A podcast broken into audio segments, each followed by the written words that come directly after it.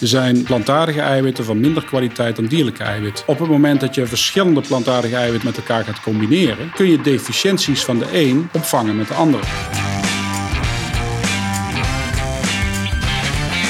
Topsport Topics Podcast. Steeds meer topsporters zweren bij een veganistisch dieet. Veel mensen denken alleen dat topsport en een vegan leefstijl niet samengaan. Hoe zit dat precies en hoe kunnen topsporters er nou voor zorgen dat ze met plantaardige eiwitbronnen alsnog de juiste bouwstoffen binnenkrijgen? Hierover praten we vandaag met Luc van Loon. Ja, en Luc die is hoogleraar fysiologie van inspanning en voeding aan de afdeling humane biologie van de Universiteit Maastricht. En hij staat aan het hoofd van de M3 onderzoeksgroep, die zich onder andere bezighoudt met spiermetabolisme, sportvoeding en aanpassing aan duur- en krachttraining. Luc, waarom zijn eiwitten zo belangrijk voor sporters? Nou, eiwitten zijn belangrijk uh, voor ons allemaal, of we nou sporter zijn of niet. Uh, wat mensen vaak niet beseffen, en dan zal ik me vandaag uh, beperken tot spieren, maar het geldt voor alle levende, levende weefsels, is dat spieren worden constant aange aangemaakt en afgebroken. En dat gebeurt best snel. Dat gaat met 1 tot 2 procent per dag. Dus theoretisch ben je in drie maanden heb je heel je spieren vervangen. En dat doe je je leven lang. zolang je leeft, blijf je dat continu doen. Nou, de eiwitten in onze voeding zorgen dat we daartoe in staat zijn. Want eiwitten leveren de bouwstenen voor die heropbouw en die continue opbouw van je spieren. En daarom moeten we dus eigenlijk altijd eiwitten innemen. Het mooie van eiwitten dat het, uh, ja, ze bieden ons de bouwstenen, maar die bouwstenen, die aminozuren in eiwitten, die zijn meer dan alleen maar bouwstenen, want ze stimuleren ook de spieraanmaak. Dus eigenlijk door te eten blijven wij onze spieren behouden. Wanneer we bijvoorbeeld een hoeveelheid eiwit innemen, dan wordt die in je, in je darmen wordt die verteerd. De losse aminozuren neem je op, die komen in je bloed, die worden getransporteerd naar je spieren. Je spieren nemen die aminozuren op en die aminozuren worden dan gebruikt als bouwstenen. Maar die bouwstenen stimuleren zelf ook de spieraanmaak. Dus met elke maaltijd stimuleer je spieraanmaak en die compenseert de spierafbraak, zodat je mooi in balans blijft en eigenlijk niet kunt geloven dat je dus een continue aan- en afbraak hebt van je spieren. En het idee is als je spieraanmaak groter is dan je spierafbraak, dat de spier groter wordt. Ja, maar wat dus mensen denken dus dat je alleen maar spiergroei hebt als je spieren groter worden. Maar voor een sporter is het juist belangrijk dat de spier continu zich herstelt en zich conditioneert. Of je nu een bodybuilder bent of een duurloper, die hebben allebei een hele hoge spiereiwit aanmaak en afbraak om te zorgen dat die spier helemaal geconditioneerd wordt tot het lichaam van de sporter voor die specifieke sport. Dus die adaptatie die heeft niet per se te maken met de massa van iemand, maar gewoon simpelweg met hoe actief het weefsel zich verandert om een betere sporter te worden. Ja. En daarom is eiwit niet alleen maar belangrijk voor een wedstrijd, maar het is belangrijk voor de hele opbouw hele proces. naar jou als, als professioneel of semi-professioneel sporter. Ja, en je noemt nu voeding, eiwitten, die belangrijk zijn voor uh, de spiereiwitsynthese. Maar fysieke inspanning is dat ook, toch? Ja, er zijn twee belangrijke anabole stimuli. En dat zijn voeding, en met name de eiwitten in de voeding, en fysieke inspanning. En wat mooi is, en daarom vandaar ook mijn onderzoeksopdracht, de combinatie tussen fysieke inspanning en voeding, die twee samen versterken elkaar. Dus zowel spiercontractie stimuleert spieraanmaak en voedinginname stimuleert spieraanmaak. Maar wanneer je die twee combineert, krijg je een sterkere stijging. Met andere woorden, fysieke inspanning maakt je spier gevoeliger voor de anabole respons van voedinginname. Dus daarom, en dat weten natuurlijk de meeste sporters en hun coaches, daarom is het zo belangrijk om na inspanning te zorgen dat je voldoende eiwitten binnenkrijgt om dat adaptieve proces uh, mogelijk te maken.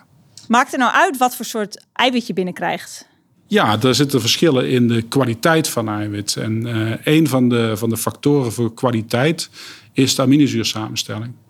Uh, zoals ik al zei, eiwitten bestaan uit aminozuren. En verschillende eiwitten hebben ook een verschillende samenstelling van aminozuren. En dat kan een effect hebben op het vermogen om bijvoorbeeld de spiergroei te stimuleren. En je hebt zowel essentiële als niet-essentiële aminozuren. Wat is het verschil daartussen? Er zijn dus ketens van verschillende aminozuren. Je hebt uh, aminozuren die wij onderverdelen in essentiële en niet-essentiële aminozuren. De essentiële aminozuren zijn aminozuren die wij wel degelijk via de voeding nodig hebben en die we dus niet zelf kunnen maken in ons lichaam. De niet-essentiële aminozuren kunnen we tot op zekere hoogte zelf uh, aanmaken. Wat niet wil zeggen dat ze niet essentieel zijn voor ons, in onze voeding. Ja. Dat is altijd verwarrend voor En, studenten. en wat bedoel je met tot op zekere hoogte? Omdat je natuurlijk, eh, daar zijn geen experimenten eh, voor. Maar waarschijnlijk zou je het niet kunnen overleven met het alleen maar consumeren van essentiële aminozuren. Want je eigen synthesesnelheid die is waarschijnlijk niet zo, zo dusdanig dat je dat kunt compenseren met je, met je voeding. Waar we het vandaag over gaan hebben zijn dus die plantaardige eiwitten. Ehm, wat zijn eigenlijk de verschillen tussen die dierlijke en plantaardige eiwitten? Nou, als je kijkt naar plantaardige en dierlijke eiwitten, zien we het over het algemeen dat eh, plantaardige eiwitten eh, wat minder essentiële aminozuren bevatten. Dat ze eh, relatief wat minder vertakte ketaminozuren hebben. Met name het aminozuur leucine is vaak wat laag. En vaak zijn ze ook nog deficiënt. Dan hebben ze dus een tekort aan specifieke aminozuren. En dat kan vaak histidine of me- methionine zijn. Maar ook andere aminozuren. Dus kwalitatief gezien is een, is een dierlijk eiwit. Ze zit dichter bij de mens en bij zeg maar, de, de aminozuursamenstelling zoals we die in onze spieren terugvinden, dan de meeste plantaardige eiwitten. En is dat dan ook de reden waarom dat die plantaardige eiwitten tot minder eiwitsynthese leiden? Ja, wat, we- wij doen veel onderzoek om te kijken naar als je nou eiwit eet, dan verteer je dat eiwit. Die aminozuren komen in je systeem en die stimuleren je spieraanmaak. Over het algemeen laat onderzoek zien dat als je plantaardige eiwitten inneemt, dat je niet een dergelijke sterke stimulatie hebt van je spiergroei als wanneer je dierlijke eiwitten inneemt. Nou zijn natuurlijk niet alle plantaardige eiwitten getest, maar als we kijken naar soja en naar gluten, dan zijn die minder goed in staat om de spiergroei te stimuleren dan bijvoorbeeld melkeiwit of wei. En daarvan komt het verhaaltje dus dat plantaardige eiwitten niet zo goed in staat zijn om de spiergroei te stimuleren. En daarom hebben veel atleten denken dan ook van, oh, daar blijf ik dan van weg. Dus veel atleten die denken eigenlijk van hey, eh, dat plantaardige dieet of die plantaardige eiwitten die zijn minder goed voor mij als sporter. Nou, dat vind ik zelf een logisch verhaal. Maar als je dan bijvoorbeeld kijkt naar eh, die documentaire Game Changers die eh, een tijdje geleden uitgekomen. Als je daar goed naar luistert, dan is het net alsof je een soort van dombo bent als je nog niet aan het plantaardig dieet zit. Ik eh, denk allereerst als je dat als een documentaire ziet en ook denkt dat daar heel veel wetenschap in zit, dan ben je misschien daar een dombo, want daar zit, eh, daar, wordt- die gaat wel heel erg kort door de bocht. Kijk, je moet twee dingen van elkaar zien. Enerzijds, als we het puur over eiwit hebben, zijn plantaardige eiwitten van minder kwaliteit dan dierlijke eiwitten. Maar op het moment dat je verschillende plantaardige eiwitten bijvoorbeeld met elkaar gaat combineren, kun je deficiënties van de een opvangen met de andere. Met andere woorden, als je een divers en gebalanceerd dieet hebt, is er niet zo'n probleem. Daarnaast hebben we ook al eerder laten zien als dat je een mindere kwaliteit kunt compenseren door meer kwantiteit. Dus als jij wat meer van een bepaald plantaardig eiwit consumeert, kun je toch hetzelfde resultaat bereiken als met een dierlijk eiwit. Oftewel, verschillen in aminozuursamenstelling kunnen gecompenseerd worden door enerzijds simpelweg er meer van te eten, het combineren van verschillende eiwitbronnen of het bijvoorbeeld verrijken met specifieke aminozuren die ze tekort hebben. En kan dat dan ook nog een probleem zijn voor bijvoorbeeld duursporters die heel veel energie natuurlijk binnen moeten krijgen? Dat zij, doordat ze wellicht plantaardig zouden willen eten, niet voldoende bouwstoffen binnenkrijgen, omdat ze dan juist extreem veel zouden moeten eten? Nou, het grappige is dus dat je dus, omdat ik al zeg, je kunt compenseren met de hoeveelheid voedsel, zie je dus al dat eigenlijk sporters geen probleem zouden moeten hebben. Sporters eten twee tot drie keer zoveel als mensen die niet actief zijn, omdat ze sowieso een veel hoger energiegebruik hebben. Dus daarmee krijgen ze al veel meer eiwit binnen en is vaak de eiwitkwaliteit niet meer zo'n probleem. Het zijn natuurlijk wel uitzonderingen op het moment dat je bijvoorbeeld heel weinig gaat eten, bijvoorbeeld ouderen of mensen die op een dieet zijn, dan wordt, het, eh, wordt de eiwitkwaliteit wordt veel belangrijker. Het andere punt wat je eigenlijk ook aanstipt is, ik heb het nu over eiwitten. Maar de meeste plantaardige producten komen in een verpakking, waardoor het veel moeilijker is om die eiwitten eruit te halen. Bijvoorbeeld, er zitten ook heel veel eiwitten in granen. Maar als je die granen moet je dus nog kouwen. En in hoeverre worden die eiwitten beschikbaar? Nou, veel van het onderzoek wordt gedaan met plantaardige eiwitten die geëxtraheerd zijn uit die plantaardige producten. Maar als je zegt van ik haal al mijn eiwit uit eh, ruwe of rauwe groentes, dan wordt het een stuk moeilijker om die eiwitten eruit te halen. Dus dat betekent eigenlijk dat het lichaam de plantaardige eiwitbronnen minder goed zou kunnen verwerken dan de dierlijke eiwitbronnen. minder. Ze zijn, de biobeschikbaarheid is vanuit een, een, een plantaardig product over het algemeen minder als het niet geprocessed is. Maar veel van het onderzoek wat vandaag wordt gedaan, wordt gedaan met plantaardige eiwitisolaten of concentraten. Dus eiwitten die uit producten zijn gehaald. Die bijvoorbeeld uit uh, bonen zijn gehaald of uit aardappelen. Stel dat je nu bijvoorbeeld aardappelen pakt. De eiwit in aardappelen heeft een hele goede samenstelling op zich. Maar aardappelen hebben ongeveer 2% eiwit. Als jij 20 gram eiwit wil innemen in de vorm van aardappelen, heb je een flink je bord flink eten, aardappelen. ja. Nou ja, dat kan natuurlijk een probleem zijn. Dus over het algemeen zijn dierlijke eiwitten komen vaak voor in producten die ook eiwitrijk zijn. En dan is het makkelijker om aan je eiwitten te komen. Ja. Dus dat is nog wel een punt waar een, waar een atleet mee zal zitten. Als die zegt ik wil 20 gram eiwit in een snelle hapklare brok, dat haal je niet zo snel uit veel plantaardige eh, producten. Stel dat een sporter toch zegt van goh, ik wil toch echt het liefst plantaardige voeding binnenkrijgen. Wat zijn er dan ook eiwitbronnen die je dan zou kunnen aanraden, plantaardige eiwitbronnen? Het belangrijkste is dan dat je heel diverse plantaardige eiwitten binnenkrijgt van een grote diversiteit aan plantaardige producten. Zoals? Noten, granen, bonen. Als je bijvoorbeeld nog zuivel eet, eh, melk en eieren, kaas. Maar als je dan puur voor de echte, de puurlijke plantaardige, nou dan denk je aan, aan, aan noten, granen, dat soort zaken. Daar kun je heel veel eiwitten uithalen. Uh, denk maar aan de quinoa, denk aan de soja. Dat zijn allemaal goede uh, eiwitbronnen. En je kunt die natuurlijk ook uh, gewoon mengen en gebruiken. Want in een maaltijd heb je namelijk geen eiwit van één soort. heb je een heel aantal eiwitsoorten samen. Want zijn er ook nog specifieke eiwitbronnen die dan uh, juist extra goed zijn voor de spiereiwitsynthese en de spiergroei? Nou, sommige eiwitbronnen hebben dus een aminozuurprofiel wat meer lijkt op een dierlijk eiwit. Maar de meeste sporters eten niet één eiwit. De meeste sporters eten de maaltijd.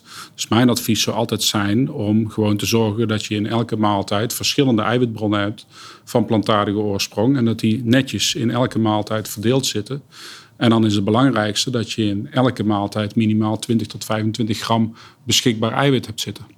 En dat is hetzelfde advies dat je zou geven voor bijvoorbeeld sporters die graag uh, aan hun herstel willen werken. Dat ze zo gevarieerd mogelijk eiwitbronnen eigenlijk binnenkrijgen. Ja, dat is algemeen. En dat, dit, die gevarieerdheid wordt belangrijker naarmate je dus minder kwalitatieve eiwitten tot je neemt. Ja. Als je alleen maar kijkt naar het, naar het dierlijke eiwit, is het natuurlijk makkelijker met dierlijke eiwitten, omdat die kwaliteit al hoog is. Ja. Maar ja, dierlijke eiwitten komen weer vaak voor in producten die wat, wat rijker zijn aan vet. Nou, en als je dat liever niet hebt, dan heb je weer andere producten.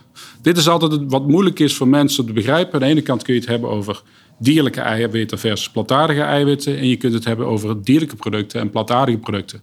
Daar zit natuurlijk wel een verschil tussen. Want het ene is dat puur het eiwit en het ander is gewoon de plant en alles wat daar nog meer in zit. De verpakking, de matrix, maar ook verschillende andere micronutriënten. Kijk, um, Game Changers, uh, de documentaire, zegt aan de ene keer meer plantaardige producten eten of meer plantaardige eten kan een voordeel geven voor je gezondheid. Natuurlijk, ik denk dat voor de meeste Nederlanders komen echt, echt niet aan hun dagelijkse groente- en fruitinname. Wanneer ze daar wel in zouden komen, zouden ze gezondheidswinst hebben. Maar dat komt niet puur en alleen door. Uh, exact, nee, dat heeft niet alleen maar ja. iets met de plantaardige eiwitten Nee. te maken. Dat heeft te maken met het feit dat je en een heleboel gezonde micronutriënten binnenkrijgt. En daarnaast, als je meer planten, eh, meer plantaardig eet en meer fruit eet, ga je waarschijnlijk ook, krijg je ook meer vezels binnen, eh, betere verzadiging. En waarschijnlijk ga je in je totale energieinname minder innemen. En zit je dus in een betere energiebalans. En dat is waarschijnlijk de belangrijkste energiewinst. Want de meeste van ons zijn gewoon simpelweg te dik. Ja. En überhaupt natuurlijk ook gewoon bewuster met je voeding bezig zijn, wat met zo'n dieet samenhangt. Hè? Ja. Als ik nou eventjes jouw verhaal beluister om met plantaardige eiwitten toch dezelfde resultaten te halen als met dierlijke eiwitten, hoor ik eigenlijk meer eten. Ik hoor eh, Meer volume, ja, meer niet volume. meer energie. Maar wel, je zult als je automatisch veel plantaardige producten gaat consumeren. En je eet ze- zeg maar als ruwe product, niet als eiwitisolaat of concentraat. Zul je automatisch een groter volume tot je nemen. Ja, en ik hoor ook het combineren van verschillende Ja, eiwitbronnen. sommige plantaardige eiwitbronnen zijn eh, deficiënt. Ze hebben een tekort aan één of meerdere specifieke aminozuren. Maar een ander plantaardig eiwit heeft die deficiëntie niet. Die heeft het in een ander aminozuur zitten. Dus als je ze allemaal bij elkaar pakt, heb je de minste kans om een tekort te krijgen. Ja, en jij hebt in dit verhaal over eh, volledige eh, voedingsstoffen eigenlijk. Dus je zegt inderdaad kaas, melk, eh, soja, dat soort zaken. Bij eiwitten moet ik ook altijd een beetje denken aan poeders. En als ik nou een veganistisch poeder tegenkom, dan is het eigenlijk bijna altijd is het echte en rijst. Is dat dan ook een logische combinatie? Dan zou ik zo in mijn, hoofd niet weten of, of echte en rijst een, een, een slimme combinatie is. Je ziet steeds meer verschillende eiwitpoeders komen natuurlijk.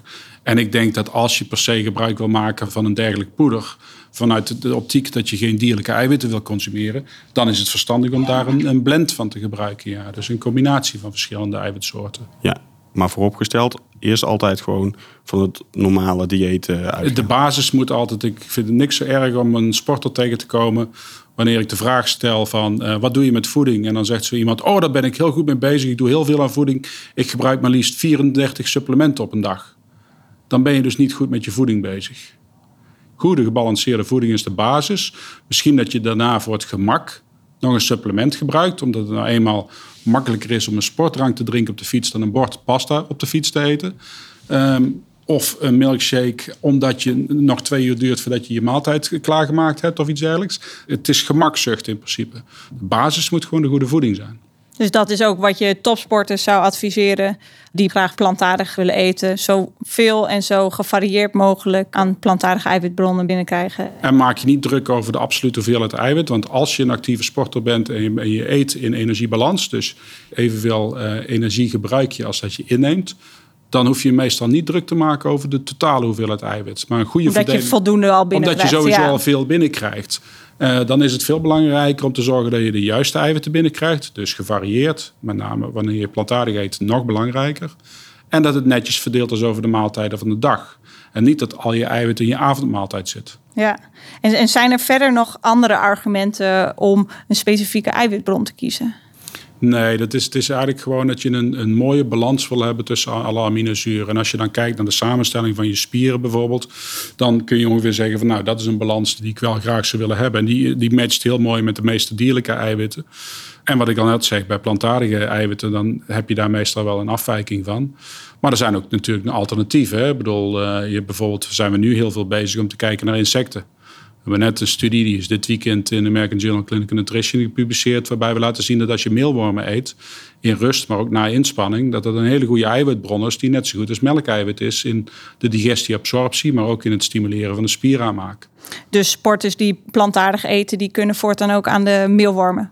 Ja, het ligt eraan waarom ze plantaardig eten. Is dat omdat ze geen uh, beest willen eten of dat ze meer uh, sustainable uh, ja. dieet willen hebben? Nou, meer sustainable, daar passen insecten natuurlijk prima bij. Ja. Um, ik weet niet voor hoeveel voor mensen die geen dieren leed. In hoeverre denk je dan over insecten? ja.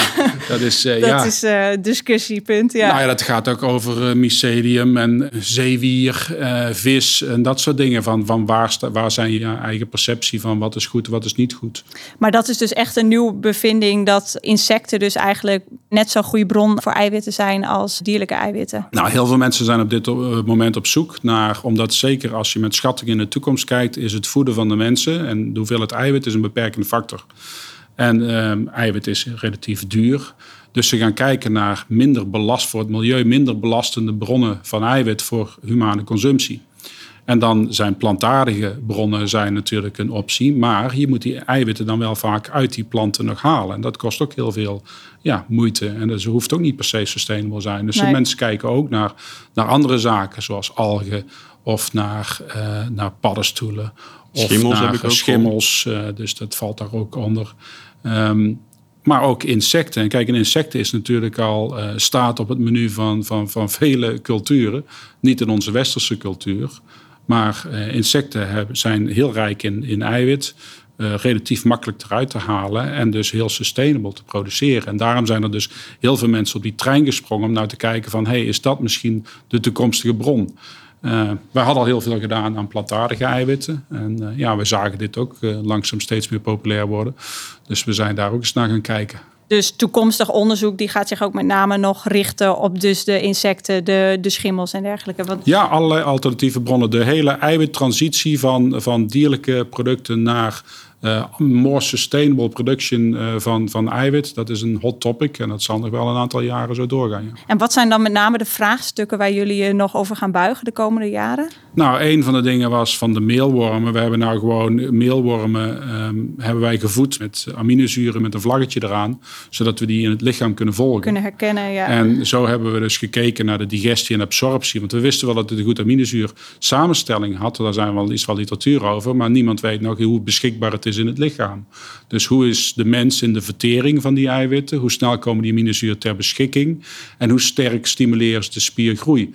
Want dat soort dingen, dat weet je niet alleen maar aan de aminozuursamenstelling. Daar zit ook de hele verpakking van een eiwit in en hoe de mens daarmee omgaat. En daar weten we maar heel weinig van. Theoretisch kun je op basis van de samenstelling kun je wel een uitspraak over doen. Maar jullie zijn het eigenlijk aan de praktijk aan het testen. Hoe dat, ja, uh... dus, dus eigenlijk het hele concept van, van vertering tot aan wat je ermee doet en of het in de spier terechtkomt en of het daar gebruikt wordt voor spiergroei. Ja.